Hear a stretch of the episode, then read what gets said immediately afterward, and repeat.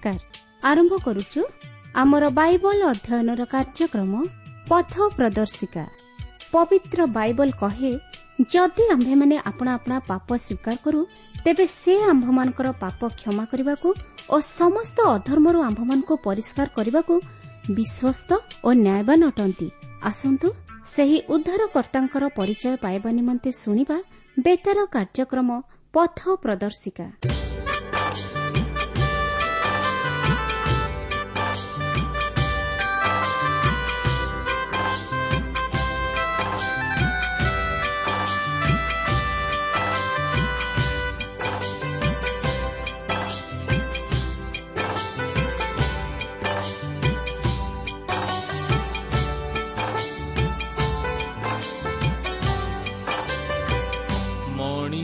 ଜୀବନ ପାଣିର ଫଟୋ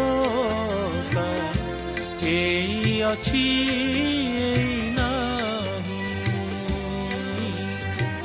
ତଥାପି କାହିଁକି ସିଏ ତ ବୁଝେ ତଥାପି କାହିଁକି ସିଏ ତ ବୁଝେ ନା ପ୍ରଭୁ ଏକା ତାର ମଣିଷ ଜୀବନ ପାଣିର ଫଟୋ ଏଇ ଅଛି ଏଇ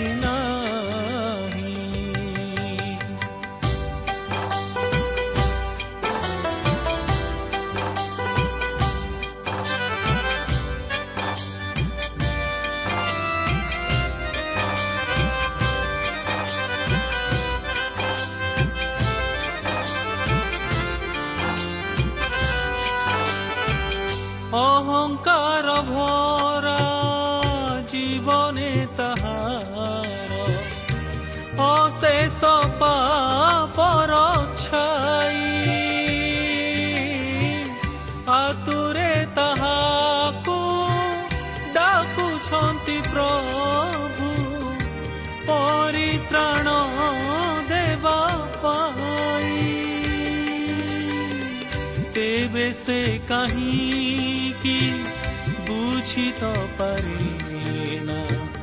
ତେବେ ସେ କାହିଁକି ବୁଝି ତ ପାରିବେ ନା ତା ଜୀବନ ପ୍ରଭୁ ପାଇ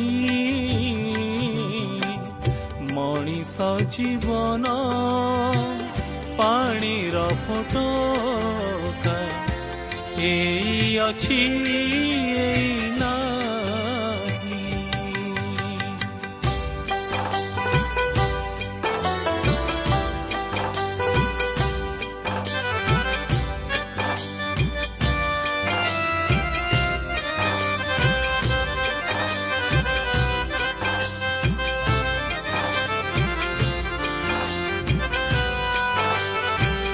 ବଖେ ବର୍ଷ ଘାତ କୋରଡ଼ା ପ୍ରହାର। ସହିଲେ ସେ ମଥା ନଇ ଶରୀରଟା ତାଙ୍କ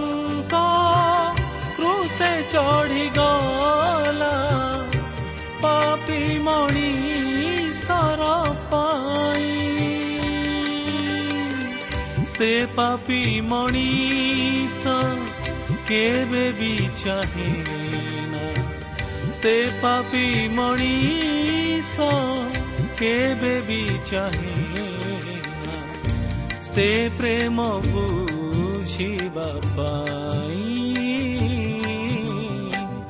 ମଣିଷ ଜୀବନ ପାଣିର ଫଟୋ ହେଇ ଅଛି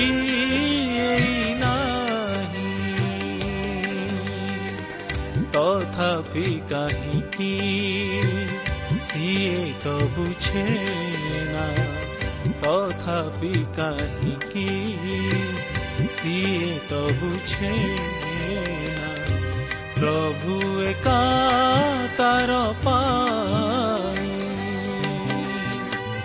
ମଣିଷ ଜୀବନ ପାଣିର ଫଟୋ ଏଇ ଅଛି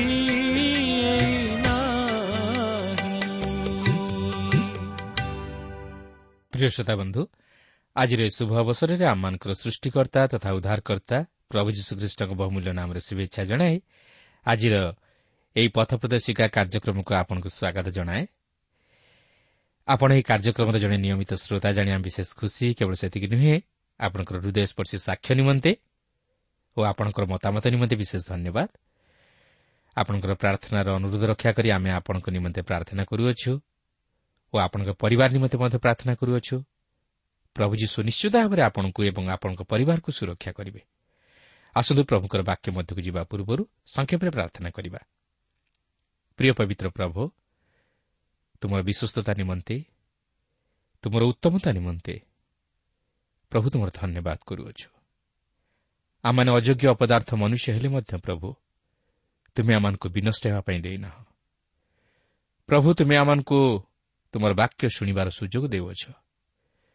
ହଁ ପ୍ରଭୁ ଏହି ସୁଯୋଗର ସଦ୍ବ୍ୟବହାର କରିବା ପାଇଁ ଆଉ ସେ ବାକ୍ୟ ଅନୁଯାୟୀ ନିଜର ଜୀବନକୁ ସଂଶୋଧିତ କରି ତୁମର ସେ ଉଦ୍ଧାରର ପଥରେ ଅଗ୍ରସର ହେବା ନିମନ୍ତେ ତୁମର ସେ ଅନନ୍ତ ଜୀବନର ପଥରେ ଅଗ୍ରସର ହେବା ନିମନ୍ତେ ତୁମେ ଆମମାନଙ୍କୁ ଶକ୍ତି ଦିଅ ସାହାଯ୍ୟ କର ଆଶୀର୍ବାଦ କର।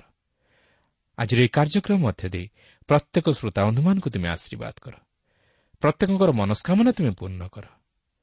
ଏହି ସମସ୍ତ ପ୍ରାର୍ଥନା ଆମମାନଙ୍କର ଉଦ୍ଧାରକର୍ତ୍ତା ଜୀବିତ ପୁନରୁତ୍ଥିତ ପ୍ରିୟ ପ୍ରଭୁ ଯୀଶୁଙ୍କ ନାମରେ ଏହି ଅଳ୍ପ ଭିକ୍ଷା ମାଗୁଅଛୁ।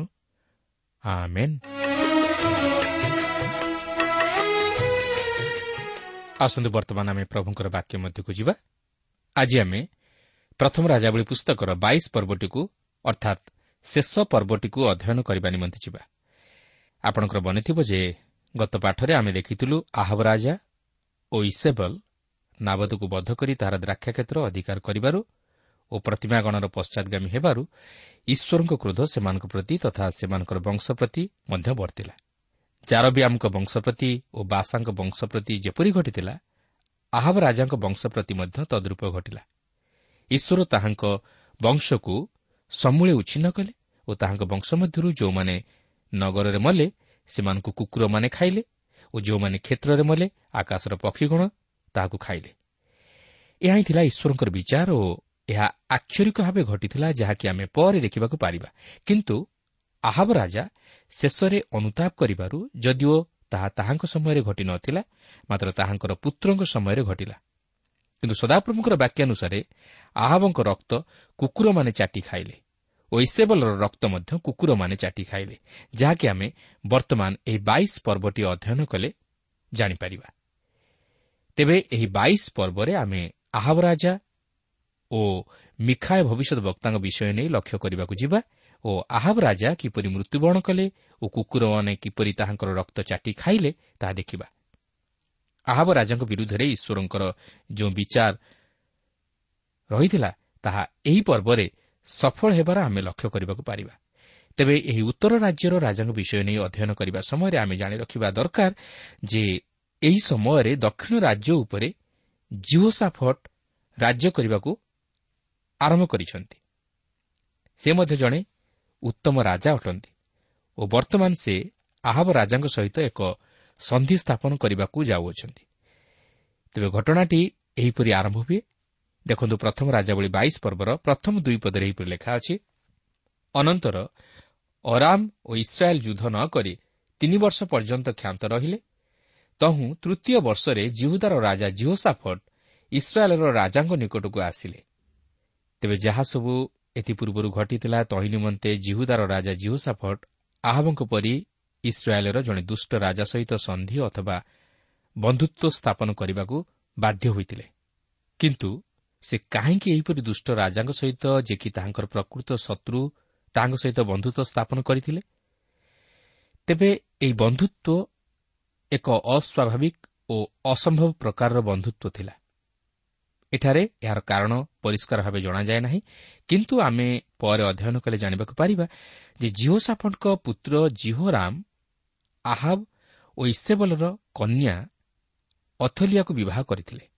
ଏହା ସେହି ଈଶ୍ୱରଙ୍କର ସନ୍ତାନଗଣ ମନୁଷ୍ୟମାନଙ୍କର କନ୍ୟାଗଣକୁ ବିବାହ କରିବା ଘଟଣା ପରି ଥିଲା ତାହା ହେଉଛି ଯେ ଈଶ୍ୱରଙ୍କ ସନ୍ତାନତ୍ୱର ଉତ୍ତରାଧିକାର ପ୍ରାପ୍ତ ଏକ ପୁତ୍ର ଏକ ଦୁଷ୍ଟ ପ୍ରକୃତିର ବା ସ୍ୱଭାବର କନ୍ୟା ସହିତ ବିବାହ କରିବା ବା ଈଶ୍ୱର ବିହୀନ ଜୀବନଯାପନ କରୁଥିବା ପରିବାର ମଧ୍ୟରୁ ଏକ କନ୍ୟା ଗ୍ରହଣ କରିବା।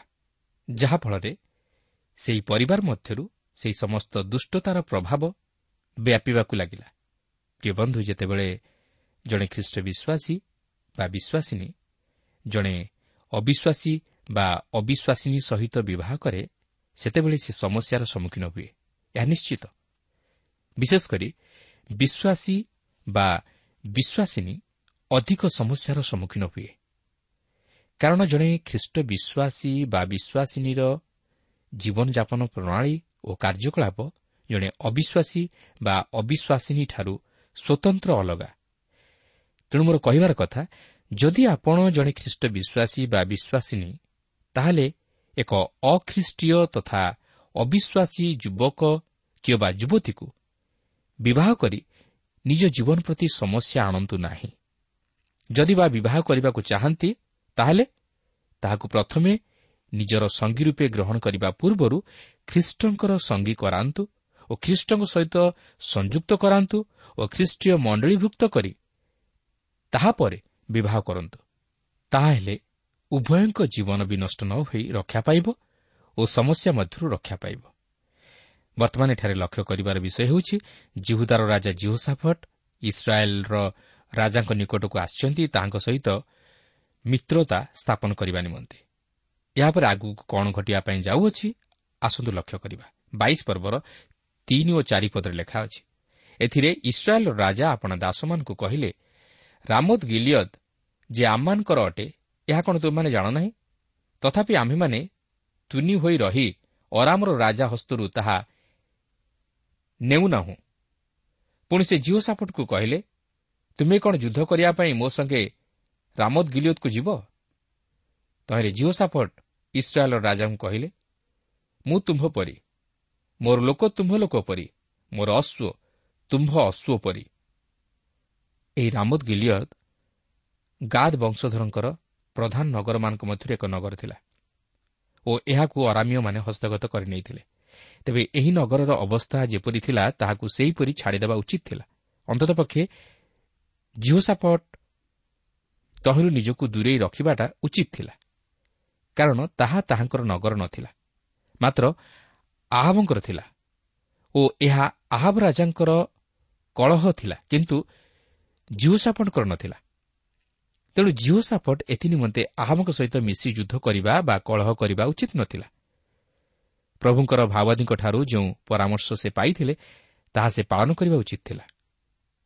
ବାଇଶ ପର୍ବର ପାଞ୍ଚ ପଦରୁ ସାତ ପଦ ମଧ୍ୟରେ ଲେଖା ଅଛି ଆହୁରି ଜିଓସାଫଟ ଇସ୍ରାଏଲ୍ର ରାଜାଙ୍କୁ କହିଲେ ମୁଁ ବିନୟ କରୁଅଛି ଆଜି ସଦାପ୍ରଭୁଙ୍କ ବାକ୍ୟ ପଚାର ତେବେ ଇସ୍ରାଏଲ୍ର ରାଜା ଭବିଷ୍ୟତ ବକ୍ତାମାନଙ୍କର ଉଣାଧିକ ଚାରିଶହ ଲୋକ ଏକତ୍ର କରି ସେମାନଙ୍କୁ ପଚାରିଲେ ମୁଁ ରାମୋଦ ଗିଲିୟଦ ବିରୁଦ୍ଧରେ ଯୁଦ୍ଧ କରିବାକୁ ଯିବି କି କ୍ଷାନ୍ତ ହେବି? ତୁ ସେମାନେ କହିଲେ ଯାଉନ୍ତୁ କାରଣ ପ୍ରଭୁ ମହାରାଜାଙ୍କ ହସ୍ତରେ ତାହା ସମର୍ପଣ କରିବେ। ମାତ୍ର ଜିଓ ସାପଟ କହିଲେ ଏମାନଙ୍କ ଛଡ଼ା ଯାହାକୁ ଆମମାନେ ପଚାରିପାରୁ ସଦାପ୍ରଭୁଙ୍କର ଏପରି ଭବିଷ୍ୟତ ବକ୍ତା କି କେହି ଏଠାରେ ନାହିଁ? ଦେଖନ୍ତୁ ଜିଓ ସାପଟ ଈଶ୍ୱରଙ୍କ ଲୋକ ଥିଲେ ଓ ସେ ଈଶ୍ୱରଙ୍କ ଇଚ୍ଛା ଜାଣିବାକୁ ଚାହିଁଲେ। ସେହି ମାଓବାଦୀମାନଙ୍କର ବାକ୍ୟ ଯେ ମିଥ୍ୟା ଓ ସେମାନଙ୍କୁ ସନ୍ଦେହ କରି ସେ ସେମାନଙ୍କର କଥାକୁ ବିଶ୍ୱାସ ନ କରି ଈଶ୍ୱରଙ୍କର ଯିଏକି ପ୍ରକୃତ ଭବିଷ୍ୟତ ବକ୍ତା ଓ ଯିଏକି ସତ୍ୟ ବାକ୍ୟ ପ୍ରକାଶ କରିପାରିବେ ସେହିପରି ଏକ ଭବିଷ୍ୟତ ବକ୍ତାଙ୍କ ମୁଖରୁ ବାକ୍ୟ ଶୁଣିବାକୁ ଇଚ୍ଛା କରି ସେ ଆହବ ରାଜାଙ୍କୁ ପଚାରିଲେ ଯାହାକୁ ଆମମାନେ ପଚାରିପାରୁ ସଦାପ୍ରଭୁଙ୍କର ଏପରି ଭବିଷ୍ୟତ ବକ୍ତା କି କେହି ଏଠାରେ ନାହିଁ? ପ୍ରକୃତରେ ଜିଓସାପଟଙ୍କର ଆତ୍ମିକ ବିଚାର ବୁଦ୍ଧି ଅତି ପ୍ରଖର ଥିଲା ଓ ସେ ସେହି ମାଓବାଦୀମାନଙ୍କୁ ମିଥ୍ୟା ମାଓବାଦୀ ବୋଲି ଚିହ୍ନି ପାରିଲେ। ତେଣୁକରି ସେ ପ୍ରକୃତ ସତ୍ୟତା ଜାଣିବା ନିମନ୍ତେ ଈଶ୍ୱରଙ୍କର ସତ୍ୟ ମାଓବାଦୀଙ୍କ ମୁଖରୁ ବାକ୍ୟ ଶୁଣିବା ନିମନ୍ତେ ଚାହିଁଲେ। ତେବେ ତହିଁର ପ୍ରତ୍ୟୁତ୍ତରରେ ଇସ୍ରାଏଲ୍ର ରାଜା ଜିହୋସାପଟଙ୍କୁ ଏହିପରି କହନ୍ତି ଯାହାକି ବାଇଶ ପର୍ବର ଆଠ ପଦରେ ଲେଖା ଅଛି। ତହିଁରେ ଇସ୍ରାଏଲ୍ର ରାଜା ଜିହୋସାପଟଙ୍କୁ କହିଲେ ଆଉ ଏକ ଜଣ ଅଛି ଯାହାଦ୍ୱାରା ଆମମାନେ ସଦାପ୍ରଭୁଙ୍କୁ ପଚାରିପାରୁ ସେ ଇମ୍ଳର ପୁତ୍ର ମିଖାୟ। ମାତ୍ର ମୁଁ ତାହାକୁ ଘୃଣା କରେ କାରଣ ସେ ମୋ ବିଷୟରେ ଅମଙ୍ଗଳ ବିନା ମଙ୍ଗଳର ଭବିଷ୍ୟତ ବାକ୍ୟ ପ୍ରଚାର କରେ ନାହିଁ। ତେଣୁ ଜିଓସାପଟ କହିଲେ ରାଜା ଏପରି ନ କହନ୍ତୁ ଜିଓସାପଟଙ୍କର କଥା ଅନୁଯାୟୀ ଆହବ ମିଖାୟ ଭବିଷ୍ୟତ ବକ୍ତାଙ୍କୁ ପରିଚିତ କରାଇଲେ। ମାତ୍ର ଆହାବ ମିଖାୟଙ୍କ ପରିଚୟ ଯେପରି ଦେବା କଥା ସେପରି ନ ଦେଇ ଏକ ଭିନ୍ନ ଭାବରେ ପରିଚିତ କରାଇଲେ। ଆହାବ କହିଲେ ମୁଁ ତାହାକୁ ଘୃଣା କରେ। କାରଣ ସେ ମୋ ବିଷୟରେ ଅମଙ୍ଗଳ ବିନା ମଙ୍ଗଳର ଭବିଷ୍ୟତ ବାକ୍ୟ ପ୍ରଚାର କରେ ନାହିଁ। କିନ୍ତୁ ଅପରପକ୍ଷରେ ସେ ଜାଣିଥିଲେ ଯେ ମିଖାଏ ହେଉଛନ୍ତି ଈଶ୍ୱରଙ୍କର ଭବିଷ୍ୟତ ବକ୍ତା ଓ ସେ ଯାହା କହନ୍ତି ତାହା ସଫଳ ହୁଏ। ତେବେ ଆହାବ ରାଜାଙ୍କର ଏପରି କଥାରେ ଜିଓସାପଟ ତାହାଙ୍କୁ କହନ୍ତି ରାଜା ଏପରି ନ କହନ୍ତୁ। ଅର୍ଥାତ୍ ସେ କହିବାକୁ ଚାହାନ୍ତି ରାଜା ଆପଣ ଈଶ୍ୱରଙ୍କ ଲୋକମାନଙ୍କୁ ଘୃଣା ନ କରନ୍ତୁ। କି ଈଶ୍ୱରଙ୍କ ଲୋକମାନଙ୍କ ବିରୁଦ୍ଧରେ ଏପରି କଥା ନ କହନ୍ତୁ? ଏହାପରେ ଜିଓସାପଙ୍କ କହିବା ଅନୁଯାୟୀ ଆହବ ରାଜା ମିଖାୟକୁ ଡକାଇ ଆଣିଲେ କାରଣ ଏହି ସମୟରେ ଆହବ ତାହାଙ୍କୁ କାରାଗାର ମଧ୍ୟରେ ରଖିଥିଲେ। ତେବେ ଏହି ବାଇଶ ପର୍ବର ଦଶ ପଦରୁ ବାର ପଦ ମଧ୍ୟରେ ଆମେ ଦେଖୁ ଯେ ମିଖାଏ ଭବିଷ୍ୟତ ବକ୍ତା ଆସି ଉପସ୍ଥିତ ହେବା ପୂର୍ବରୁ ସେହି ବାଲ୍ର ମିଥ୍ୟା ଭବିଷ୍ୟତ ବକ୍ତାମାନେ ରାଜାଙ୍କୁ ଖୁସି କରାଇବାକୁ ଯାଇ ତାହାଙ୍କ ନିକଟରେ ମିଥ୍ୟା ଭବିଷ୍ୟତ ବାକ୍ୟ ପ୍ରଚାର କରି କହିଲେ ଯେ ରାଜା ରାମୋଦ ଗିଲିୟତକୁ ଯାଇ କୃତକାର୍ଯ୍ୟ ହୁଅନ୍ତୁ କାରଣ ସଦାପ୍ରଭୁ ତାହା ମହାରାଜାଙ୍କ ହସ୍ତରେ ସମର୍ପଣ କରିବେ। କିନ୍ତୁ ତାହା ମିଥ୍ୟା ଭାବଣୀ ଥିଲା। ମାତ୍ର ଏହାପରେ ବାଇଶ ପର୍ବର ତେର ପଦରୁ ଷୋହଳ ପଦ ମଧ୍ୟରେ ଆମେ ଦେଖୁ ଯେ ଯେଉଁ ଦୂତ ମିଖାୟକୁ ଡାକିବା ନିମନ୍ତେ ଯାଇଥିଲା ସେ ମିଖାୟକୁ ଅନ୍ୟ ଭାଓବାଦୀମାନଙ୍କ ପରି ରାଜାଙ୍କର ପ୍ରିୟ ପାତ୍ର ହୋଇ ରହିବା ନିମନ୍ତେ ସେହି ଭାଓବାଦୀଙ୍କ ପରି ମିଥ୍ୟା ଭାବାଣୀ ବା ଶ୍ରୁତିମଧୁର ବାକ୍ୟ ଉଚ୍ଚାରଣ କରିବା ନିମନ୍ତେ ତାହାଙ୍କୁ ପ୍ରବର୍ତ୍ତାଇଥିଲା। ମାତ୍ର ମିଖାୟ ସେହି ଦୂତକୁ ଉତ୍ତର ଦେଇଥିଲେ ସଦାପ୍ରଭୁ ଜୀବିତ ଥିବା ପ୍ରମାଣେ ସଦାପ୍ରଭୁ ମୋତେ ଯାହା କହିବେ ମୁଁ ତାହା ହିଁ କହିବି। ତେବେ ମିଖାୟ ରାଜାଙ୍କ ସମ୍ମୁଖରେ ଆସି ଉପସ୍ଥିତ ହେବା ପରେ ରାଜା ସେହି ରାମୋଦ ଗିଲିୟତକୁ ଯାଇ ଯୁଦ୍ଧ କରିବା ବିଷୟ ନେଇ ତାହାଙ୍କୁ ପଚାରିବା ପରେ ମିଖାୟ ପ୍ରଥମେ ତାହାଙ୍କୁ ଏକ ବ୍ୟଙ୍ଗସୂଚକ ଉତ୍ତର ପ୍ରଦାନ କରି ତାହାଙ୍କର ସଫଳତା ବିଷୟ ନେଇ ପ୍ରକାଶ କରିଥିଲେ। ମାତ୍ର ଆହାବ ଯେତେବେଳେ ପ୍ରକୃତ ସତ୍ୟ କଥା ଜାଣିବାକୁ ଚାହିଁଲେ ସେତେବେଳେ ସେ ଆହାବଙ୍କର ସେହି ଯୁଦ୍ଧରେ ବିଫଳତାର ସମ୍ବାଦ ପ୍ରକାଶ କଲେ ଓ ସେହି ମାଓବାଦୀମାନଙ୍କର ବାକ୍ୟ ଯେ ମିଥ୍ୟା ତାହା ମଧ୍ୟ ତାହାଙ୍କୁ ଜଣାଇଦେଲେ। ମାତ୍ର ଆହାବ ମିଖା ମାଓବାଦୀଙ୍କର ଏହି ଅମଙ୍ଗଳ ସୂଚକ ବାକ୍ୟ ଶୁଣି ସେ ମିଖାଙ୍କ ଉପରେ କ୍ରୋଧାନ୍ୱିତ ହେବା ସଙ୍ଗେ ସଙ୍ଗେ ଯୁଦ୍ଧରୁ ଫେରିଆସିବା ପର୍ଯ୍ୟନ୍ତ ତାହାଙ୍କୁ କାରାଗାରରେ ବନ୍ଦ କରି ରଖିଲେ। ମାତ୍ର ମିଖାୟ ତାହାଙ୍କୁ କହିଲେ ଯେବେ ତୁମ୍ଭେ କୁଶଳରେ ଫେରିଆସ ତେବେ ସଦାପ୍ରଭୁ ମୋ ଦ୍ୱାରା କହି ନାହାନ୍ତି।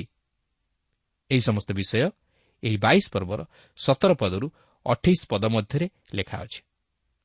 ଆସନ୍ତୁ ସେହି ଯୁଦ୍ଧର ଫଳାଫଳ କ'ଣ ହେଲା ତାହା ଏହି ବାଇଶ ପର୍ବର ଅଣତିରିଶରୁ ଅଣଚାଳିଶ ପଦ ମଧ୍ୟରେ ଲକ୍ଷ୍ୟ କରିବାକୁ ପାରିବା।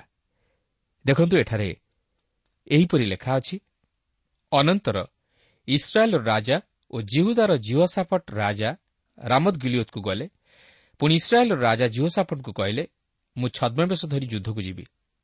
ମାତ୍ର ତୁମ୍ଭେ ଆପଣା ରାଜବସ୍ତ୍ର ପିନ୍ଧ। ଆଉ ଇସ୍ରାଏଲ୍ର ରାଜା ଛଦ୍ମବେଶ ଧରି ଯୁଦ୍ଧକୁ ଗଲେ।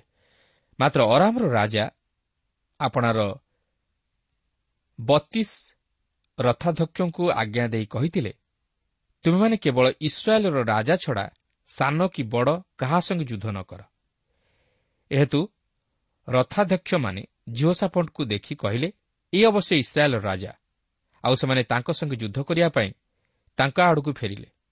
ତାହେଲେ ଜିଓସାପଟ ଡାକ ପକାଇଲେ ତୁ ସେ ଇସ୍ରାଏଲ୍ର ରାଜା ନୁହନ୍ତି ବୋଲି ରଥାଧ୍ୟକ୍ଷମାନେ ଦେଖି ତାଙ୍କୁ ଗୋଡ଼ାଇବାରୁ ଫେରିଗଲେ। ଏପରି ସମୟରେ ଜଣେ ସନ୍ଧାନ ବିନା ଧନୁର୍ଗୁଣ ଟାଣି ଇସ୍ରାଏଲ୍ ରାଜାଙ୍କ ସାଞ୍ଜୁଆର ଯୋଡ଼ ମଧ୍ୟରେ ଆଘାତ କଲା। ତେଣୁ ସେ ଆପଣା ସାରଥିକି କହିଲେ ତୁମ୍ଭେ ଆପଣା ହାତ ଫେରାଇ ସୈନ୍ୟ ମଧ୍ୟରୁ ମୋତେ ନେଇଯାଅ। କାରଣ ମୁଁ ଅତିଶୟ ଆଘାତ ପାଇଲି। ସେଦିନ ଯୁଦ୍ଧ ପ୍ରବଳ ହେଲା। ପୁଣି ଲୋକମାନେ ଅରାମୀୟମାନଙ୍କ ସମ୍ମୁଖରେ ରାଜାଙ୍କୁ ତାଙ୍କର ରଥରେ ଠିଆ କରି ରଖିଲେ। ଆଉ ସେ ସନ୍ଧ୍ୟାବେଳେ ମଲେ। ପୁଣି ତାଙ୍କର କ୍ଷତର ରକ୍ତ ରଥ ଗର୍ଭରେ ବହି ପଡ଼ିଲା। ଆଉ ପ୍ରତ୍ୟେକ ଆପଣା ନଗରକୁ ଓ ଆପଣା ଦେଶକୁ ଯାଅ। ଏହି ଡାକ ପ୍ରାୟ ସୂର୍ଯ୍ୟାସ୍ତ ସମୟରେ ସୈନ୍ୟମାନଙ୍କର ସର୍ବତ୍ର ବ୍ୟାପିଗଲା ଏହି ରୂପେ ରାଜା ମଲେ ଓ ସମରିଆକୁ ଅଣାଗଲେ। ପୁଣି ଲୋକମାନେ ରାଜାଙ୍କୁ ସମରିଆରେ କବର ଦେଲେ। ଆଉ ସେମାନେ ସମରିଆର ପୁଷ୍କରଣୀ ନିକଟରେ ରଥ ଧୋଇଲେ। ତେବେ ସଦାପ୍ରଭୁଙ୍କ ଉକ୍ତ ବାକ୍ୟାନୁସାରେ କୁକୁରମାନେ ତାଙ୍କର ରକ୍ତ ଚାଟି ଖାଇଲେ। ଏହି ସ୍ଥାନରେ ବେଶ୍ୟାମାନେ ସ୍ନାନ କରନ୍ତି। ଏହି ଆହ୍ବାଙ୍କର ଅବଶିଷ୍ଟ ବୃତ୍ତାନ୍ତ ଓ ତାଙ୍କର ସମସ୍ତ କ୍ରିୟା ଓ ତାଙ୍କର ନିର୍ମିତ ହସ୍ତିଦନ୍ତମୟ ଗୃହ ଓ ଯେ ଯେ ନଗର ସେ ନିର୍ମାଣ କରିଥିଲେ ତାହା ସବୁ କ'ଣ ଇସ୍ରାଏଲ୍ ରାଜଗଣଙ୍କର ଇତିହାସ ପୁସ୍ତକରେ ଲେଖା ନାହିଁ? ଆପଣ ଦେଖନ୍ତୁ ଇସ୍ରାଏଲ୍ ଅରାମିୟମାନଙ୍କ ସହିତ ଯୁଦ୍ଧ କରିବାକୁ ଗଲେ ସେମାନେ ମିଥ୍ୟା ଭବିଷ୍ୟତ ବକ୍ତାମାନଙ୍କ କଥା ଶୁଣି ଯୁଦ୍ଧ କରିବାକୁ ଗଲେ ମାତ୍ର ସେମାନେ ପରାଜିତ ହେଲେ ଓ ଆହାବ ଯେ ପ୍ରକୃତରେ ଜଣେ ପ୍ରବଞ୍ଚକ ତାହା ମଧ୍ୟ ପ୍ରମାଣିତ ହେଲା। କାରଣ ସେ ନିଜେ ଛଦ୍ମବେଶ ଧରି ଯୁଦ୍ଧକୁ ଗଲେ। ମାତ୍ର ଜିଓସାଫଟ୍କୁ ରାଜବସ୍ତ୍ର ପିନ୍ଧି ଯୁଦ୍ଧକୁ ଯିବାକୁ କହିଲେ। ଯେପରି ଜିଓସାଫଟ୍ ଇସ୍ରାଏଲ୍ ରାଜା ବୋଲି ଜଣାଯିବେ ଓ ଶତ୍ରୁର ସମ୍ମୁଖୀନ ହେବେ ଓ ହତ ହେବେ। କିନ୍ତୁ ଘଟଣାଟି ବିପରୀତ ଘଟିଲା। ଈଶ୍ୱରଙ୍କ ନିରୂପିତ ଯୋଜନା ଅନୁଯାୟୀ ଆହବ ନିଜେ ହତ ହେଲେ। ସେ କିପରି ଶତ୍ରୁ ଦ୍ୱାରା ଆଘାତପ୍ରାପ୍ତ ହେଲେ ତାହା ସେ ନିଜେ ମଧ୍ୟ ଜାଣିପାରିଲେ ନାହିଁ। ଶତ୍ରୁ ପକ୍ଷରୁ ଜଣେ ବିନା ଲକ୍ଷ୍ୟରେ ଧନୁର୍ଗୁଣ ଟାଣିଲା ମାତ୍ର ତାହା ଆହବଙ୍କ ପ୍ରତି ଲକ୍ଷ୍ୟ ସ୍ୱରୂପ ହେଲା। ଯଦିଓ ଆହବଙ୍କ ପ୍ରତି ଏହା ଅଚାନକ ମୃତ୍ୟୁ ଥିଲା ମାତ୍ର ଏହା ଈଶ୍ୱରଙ୍କ ଆଡ଼ୁ ଘଟିଥିଲା। କଥାରେ ଅଛି ଯେ ପାଞ୍ଚେ ପରର ମନ୍ଦ ତା ମନ୍ଦ ପାଞ୍ଚନ୍ତି ଗୋବିନ୍ଦ। ପ୍ରିୟ ବନ୍ଧୁ ଆମେ ପ୍ରବଞ୍ଚନା କରିପାରୁ ବା ଭଣ୍ଡେଇ ପାରୁ କିନ୍ତୁ ଈଶ୍ୱରଙ୍କ ଆଖିରେ ଆମେ ଧୂଳି ଦେଇପାରିବା ନାହିଁ। ସେ ଆମମାନଙ୍କ ମନର ଭାବନା କାମନା ସବୁକିଛି ଜାଣନ୍ତି ଓ ସେ ତଦନୁଯାୟୀ ଆମମାନଙ୍କୁ ପ୍ରତିଫଳ ଦିଅନ୍ତି। ଏଠାରେ ଆମେ ଆଉ ଏକ ବିଷୟ ସଫଳ ହେବାର ଲକ୍ଷ୍ୟ କରୁଅଛୁ। ଈଶ୍ୱର ଆହାବଙ୍କ ମୃତ୍ୟୁ ବିଷୟ ନେଇ ଏଲିଓ ଭାବାନୀଙ୍କ ମୁଖ ଦ୍ୱାରା ପୂର୍ବରୁ ଯାହା ପ୍ରକାଶ କରିଥିଲେ ତଦନୁଯାୟୀ ଆହାବଙ୍କର ରକ୍ତ କୁକୁରମାନେ ଚାଟି ଖାଇଲେ। ନାବୋଦ ଯେଉଁ ସ୍ଥାନରେ ମରିଥିଲେ ସେହି ସ୍ଥାନରେ ଆହାବଙ୍କର ରକ୍ତ କୁକୁରମାନେ ଚାଟି ଖାଇଲେ। ଈଶ୍ୱରଙ୍କ ବାକ୍ୟ କେବେ ହେଲେ ମିଥ୍ୟା ହୁଏ ନାହିଁ କିମ୍ବା ଅନ୍ୟଥା ହୁଏ ନାହିଁ। ତେବେ ଆମେ ଚାଳିଶ ପଦରେ ଲକ୍ଷ୍ୟ କରିବାକୁ ପାରୁ ଯେ ଆହାବଙ୍କ ପରେ ତାହାଙ୍କ ପୁତ୍ର ଅହସ୍ୟ ଇସ୍ରାଏଲ୍ ଉପରେ ରାଜା ହେଲେ। କିନ୍ତୁ ବର୍ତ୍ତମାନ ଆମେ ଜିହୁଦାର ରାଜା ଜିହୋସାପଙ୍କ ପ୍ରତି ଟିକେ ଲକ୍ଷ୍ୟ କରିବା। ସେ ସେହି ଯୁଦ୍ଧରେ ରକ୍ଷା ପାଇବା ପରେ ଫେରିଯାଇ ଜିହୁଦା ଉପରେ ରାଜତ୍ୱ କଲେ। ମାତ୍ର ସେ ଏକ ମସ୍ତ ବଡ଼ ଭୁଲ କଲେ। କାରଣ ବାଇଶ ପର୍ବର ତେୟାଳିଶ ପଦରେ ଲେଖା ଅଛି ଜିଓସାଫଟ୍ ଆପଣା ପିତା ଆଶାଙ୍କର ସମସ୍ତ ପଥରେ ଚାଲିଲେ। ସେ ତହିଁରୁ ବିମୁଖ ନୋହି ସଦାପ୍ରଭୁଙ୍କ ଦୃଷ୍ଟିରେ ଯାହା ଯଥାର୍ଥ ତାହା କଲେ। ତଥାପି ଉଚ୍ଚସ୍ଥଳୀମାନ ଉଚ୍ଛିନ୍ନ ନୋହିଲା। ଲୋକମାନେ ସେ ସମୟରେ ହେଁ ଉଚ୍ଚସ୍ଥଳୀମାନରେ ବଳିଦାନ କଲେ ଓ ଧୂପ ଜଳାଇଲେ ଜିଓସାଫଟ୍ ଯଦିଓ ସଦାପ୍ରଭୁଙ୍କ ଦୃଷ୍ଟିରେ ଯାହା ଯଥାର୍ଥ ତାହା କରିଥିଲେ ମାତ୍ର ସେ ବିଜାତୀୟମାନଙ୍କ ସହିତ ଯେଉଁ ଆପୋଷ ମିଳାମିଶାର ଭାବ ରଖି ସେମାନଙ୍କର ସେହି ଉଚ୍ଚସ୍ଥଳୀମାନ ଉଚ୍ଛିନ୍ନ କଲେ ନାହିଁ ତଦ୍ୱାରା ସେ ଈଶ୍ୱରଙ୍କ ଦୃଷ୍ଟିରେ ଅପରାଧ କଲେ। କେବଳ ସେତିକି ନୁହେଁ ସେ ଇସ୍ରାଏଲ୍ର ରାଜାଙ୍କ ସହିତ ସନ୍ଧି ସ୍ଥାପନ କରିବା ଦ୍ୱାରା ମଧ୍ୟ ଭୁଲ କଲେ। ସେ ଏପରି କରିବା ମଧ୍ୟ ଅନୁଚିତ ଥିଲା। କାରଣ ଆମେ ଦ୍ୱିତୀୟ ବଂଶାବଳୀ ପୁସ୍ତକ ତହିଁର ଉଣେଇଶ ପର୍ବର ଦୁଇ ଓ ତିନି ପଦ ମଧ୍ୟରେ ଦେଖିବାକୁ ପାରୁ ଲେଖା ଅଛି ପୁଣି ହନାନୀର ପୁତ୍ର ଜେହୁ ଦର୍ଶକ ତାଙ୍କୁ ଭେଟିବାକୁ ବାହାରକୁ ଯାଇ ଝିଅସାପଟ ରାଜାଙ୍କୁ କହିଲା ଦୁଷ୍ଟମାନଙ୍କର ସାହାଯ୍ୟ କରିବା ପୁଣି ଯେଉଁମାନେ ସଦାପ୍ରଭୁଙ୍କୁ ଘୃଣା କରନ୍ତି ସେମାନଙ୍କୁ ପ୍ରେମ କରିବା କି ତୁମର କର୍ତ୍ତବ୍ୟ? ଏହି କାର୍ଯ୍ୟ ହେତୁରୁ ସଦାପ୍ରଭୁଙ୍କଠାରୁ ତୁମ୍ଭ ଉପରେ କୋପ ଉପସ୍ଥିତ। ତଥାପି ତୁମେ ଯେ ଦେଶରୁ ଆଶରା ମୂର୍ତ୍ତି ଦୂର କରି ଦେଇଅଛ ଓ ପରମେଶ୍ୱରଙ୍କର ଅନ୍ୱେଷଣ କରିବା ପାଇଁ ଆପଣା ମନ ନିବେଶ କରିଅଛ ଏଥିରେ ତୁମ୍ଭଠାରେ କୌଣସି କୌଣସି ସଦ୍ଭାବ ପ୍ରକାଶ ପାଇଅଛି। ତେବେ ଏହିସବୁ ଦୁର୍ବଳତା ସତ୍ତ୍ୱେ ମଧ୍ୟ ଜୋସାଫଣ୍ଟକୁ ଏକ ଉତ୍ତମ ରାଜା ବୋଲି ବିଚାର କରାଯାଏ ଯେହେତୁ ସେ ତାହାଙ୍କର ବ୍ୟକ୍ତିଗତ ଜୀବନରେ ଈଶ୍ୱରଙ୍କୁ ସ୍ଥାନ ଦେଇଥିଲେ ଓ ତାହାଙ୍କର ଉପାସନା କରୁଥିଲେ। ଏହାପରେ ବାଇଶ ପର୍ବର ଅଡ଼ଚାଳିଶ ଓ ଅଣଚାଶ ପଦରେ ଏହିପରି ଲେଖା ଅଛି ଜିଓସାଫଟ୍ ସୁନା ପାଇଁ ଓଫିରକୁ ଯିବା ସକାଶେ ତର୍ସିସ୍ର ଜାହାଜମାନେ ନିର୍ମାଣ କଲେ ମାତ୍ର ତାହା ସବୁ ଗଲା ନାହିଁ। କାରଣ ଇତ୍ସିଓନ୍ ଗେବରରେ ଜାହାଜମାନ ଭାଙ୍ଗିଗଲା। ତେବେ ଆହାବଙ୍କର ପୁତ୍ର ଅହସ୍ୟ। ଜିଓସାପଟକୁ କହିଲେ ମୋ ଦାସମାନେ ତୁମ୍ଭ ଦାସମାନଙ୍କ ସଙ୍ଗେ ଜାହାଜରେ ଯାଆନ୍ତୁ। ମାତ୍ର ଜିଓସାପଟ ସମ୍ମତ ହେଲେ ନାହିଁ। ଏହି ଅଂଶ ମଧ୍ୟରେ ଆମେ ଦେଖୁ ଯେ ଆହବଙ୍କ ପୁତ୍ର ଯିଏକି ଆହବଙ୍କ ପରେ ଇସ୍ରାଏଲ୍ ଉପରେ ରାଜ୍ୟ କଲେ ସେ ଜିଓସାପଟକୁ ଏକ ବ୍ୟବସାୟରେ ସଂଯୁକ୍ତ କରାଇବାକୁ ଚାହିଁଲେ ଯେପରି ଉଭୟଙ୍କ ମଧ୍ୟରେ ଏକ ବ୍ୟବସାୟିକ ସମ୍ପର୍କ ପ୍ରତିଷ୍ଠିତ ହେବାକୁ ପାରେ। ଓ ସେମାନେ ପ୍ରଚୁର ସୁନା ପାଇପାରନ୍ତି। କାରଣ ଜିଓସାଫଣ୍ଟଙ୍କର ଦାସମାନେ ଜଳପଥରେ ଯାତ୍ରା କରିବାରେ ଅତି ସୁଦକ୍ଷ ଥିଲେ। କିନ୍ତୁ ଜିଓସାଫଟ ତହିଁରେ ସାମିଲ ହେଲେ ନାହିଁ କାରଣ ସେ ଏଥିପୂର୍ବରୁ ମଧ୍ୟ ଉଚିତ ଶିକ୍ଷା ପାଇଯାଇଥିଲେ। ଏହାପରେ ପଚାଶ ପଦରେ ଆମେ ଦେଖୁ ଯେ ଜିଓସାଫଟ ମୃତ୍ୟୁବରଣ କଲେ ଓ ତାହାଙ୍କ ପଦରେ ତାହାଙ୍କ ପୁତ୍ର ଜିହୋରାମ ରାଜ୍ୟ କଲେ। ଏହାପରେ ଏକାବନରୁ ତେପନ ପଦ ମଧ୍ୟରେ ଏହିପରି ଲେଖା ଅଛି ଜିଉଦାର ରାଜା ଜିଓସାଫଟଙ୍କର ଅଧିକାରର ସତର ବର୍ଷରେ ଆହାବଙ୍କର ପୁତ୍ର ଅହସ୍ୟ ସମରିଆରେ ଇସ୍ରାଏଲ୍ ଉପରେ ରାଜ୍ୟ କରିବାକୁ ଆରମ୍ଭ କଲେ ଓ ସେ ଇସ୍ରାଏଲ୍ ଉପରେ ଦୁଇ ବର୍ଷ ରାଜ୍ୟ କଲେ। ଆଉ ସେ ସଦାପ୍ରଭୁଙ୍କ ଦୃଷ୍ଟିରେ କୁକର୍ମ କଲେ ଓ ସେ ଆପଣା ପିତାଙ୍କର ପଥରେ ଓ ଆପଣା ମାତାର ପଥରେ ଓ ନବାଟର ପୁତ୍ର ଜାରବ୍ୟାମ୍ ଯଦ୍ୱାରା ଇସ୍ରାଏଲ୍କୁ ପାପ କରାଇଥିଲେ ତାଙ୍କର ସେହି ପଥରେ ଚାଲିଲେ। ପୁଣି ସେ ଆପଣା ପିତାଙ୍କର ସମସ୍ତ କ୍ରିୟାନୁସାରେ ବାଲ୍ର ସେବା ଓ ପୂଜା କଲେ ଓ ସଦାପ୍ରଭୁ ଇସ୍ରାଏଲ୍ର ପରମେଶ୍ୱରଙ୍କୁ ବିରକ୍ତ କଲେ। ଏଠାରେ ଆମେ ଦେଖୁ ଯେ ଅହସ୍ୟ ଆହାବଙ୍କ ପରେ ତାହାଙ୍କ ପଦରେ ରହି ସମରିଆରେ ଇସ୍ରାଏଲ୍ ଉପରେ ରାଜ୍ୟ କଲେ। ସେ ଦୁଇ ବର୍ଷ ରାଜ୍ୟ କଲେ ଓ ତାହାଙ୍କ ପିତା ଆହାବ ଓ ମାତା ଇସେବଲଙ୍କର ପଦଚିହ୍ନ ଦେଇ ଗମନ କରି କୁକର୍ମ କଲେ ଓ ଈଶ୍ୱରଙ୍କ ଦ୍ୱାରା ବିଚାରିତ ହେଲେ ଯାହାକି ଆମେ ପରେ ଅଧ୍ୟୟନ କଲେ ଜାଣିପାରିବା। ତେବେ ଆଜି ପାଇଁ ଏହିଠାରେ ଆମେ ପ୍ରଥମ ରାଜାବଳୀ ପୁସ୍ତକଟି ଅଧ୍ୟୟନ କରି ସମାପ୍ତ କଲୁ ଯଦି ଏହି କାର୍ଯ୍ୟକ୍ରମ ଦ୍ୱାରା ଆପଣ ଆତ୍ମିକ ଜୀବନରେ ଉପକୃତ ହୋଇପାରିଥାନ୍ତି ତାହେଲେ ତୁରନ୍ତ ପତ୍ର ମାଧ୍ୟମରେ ଆମ ସହ ଯୋଗାଯୋଗ କରି ତାହା ଲେଖି ଜଣାଇବା ନିମନ୍ତେ ଅନୁରୋଧ। ପ୍ରଭୁ ଆମ ପ୍ରତ୍ୟେକଙ୍କର ସହବର୍ତ୍ତୀ ହୁଅନ୍ତୁ।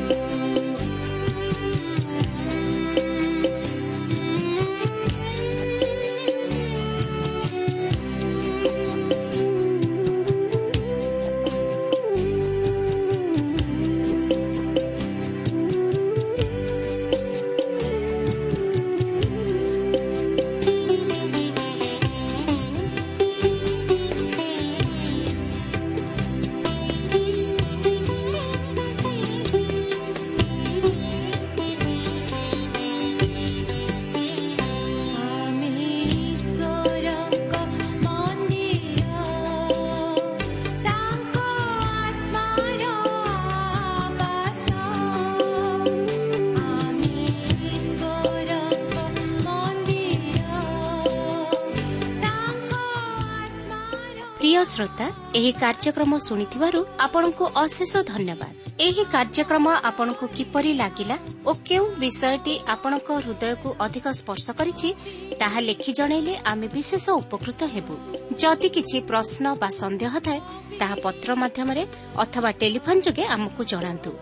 ଆମର ଠିକଣା ପଥ ପ୍ରଦର୍ଶିକା Trans World Radio India post box number ତିନି ତିନି ଭୁବନେଶ୍ୱର ସାତ ପାଞ୍ଚ ଏକ ଶୂନ ଶୂନ ଏକ mobile number nine seven double seven double two one four one five ଠିକଣାଟି ଆଉଥରେ ଶୁଣନ୍ତୁ ପଥ ପ୍ରଦର୍ଶିକା Trans World radio India post box number three three Bhubaneswar seven five one zero zero one mobile number nine seven double seven double two one four one five ଆମର email ଆଡ୍ରେସ୍ଟି ଲେଖି ରଖନ୍ତୁ Odia TTV at radio eight eight two dot com ତେବେ ଆଜି ପାଇଁ ଏଇଠାରେ ରଖୁଛୁ। ନମସ୍କାର।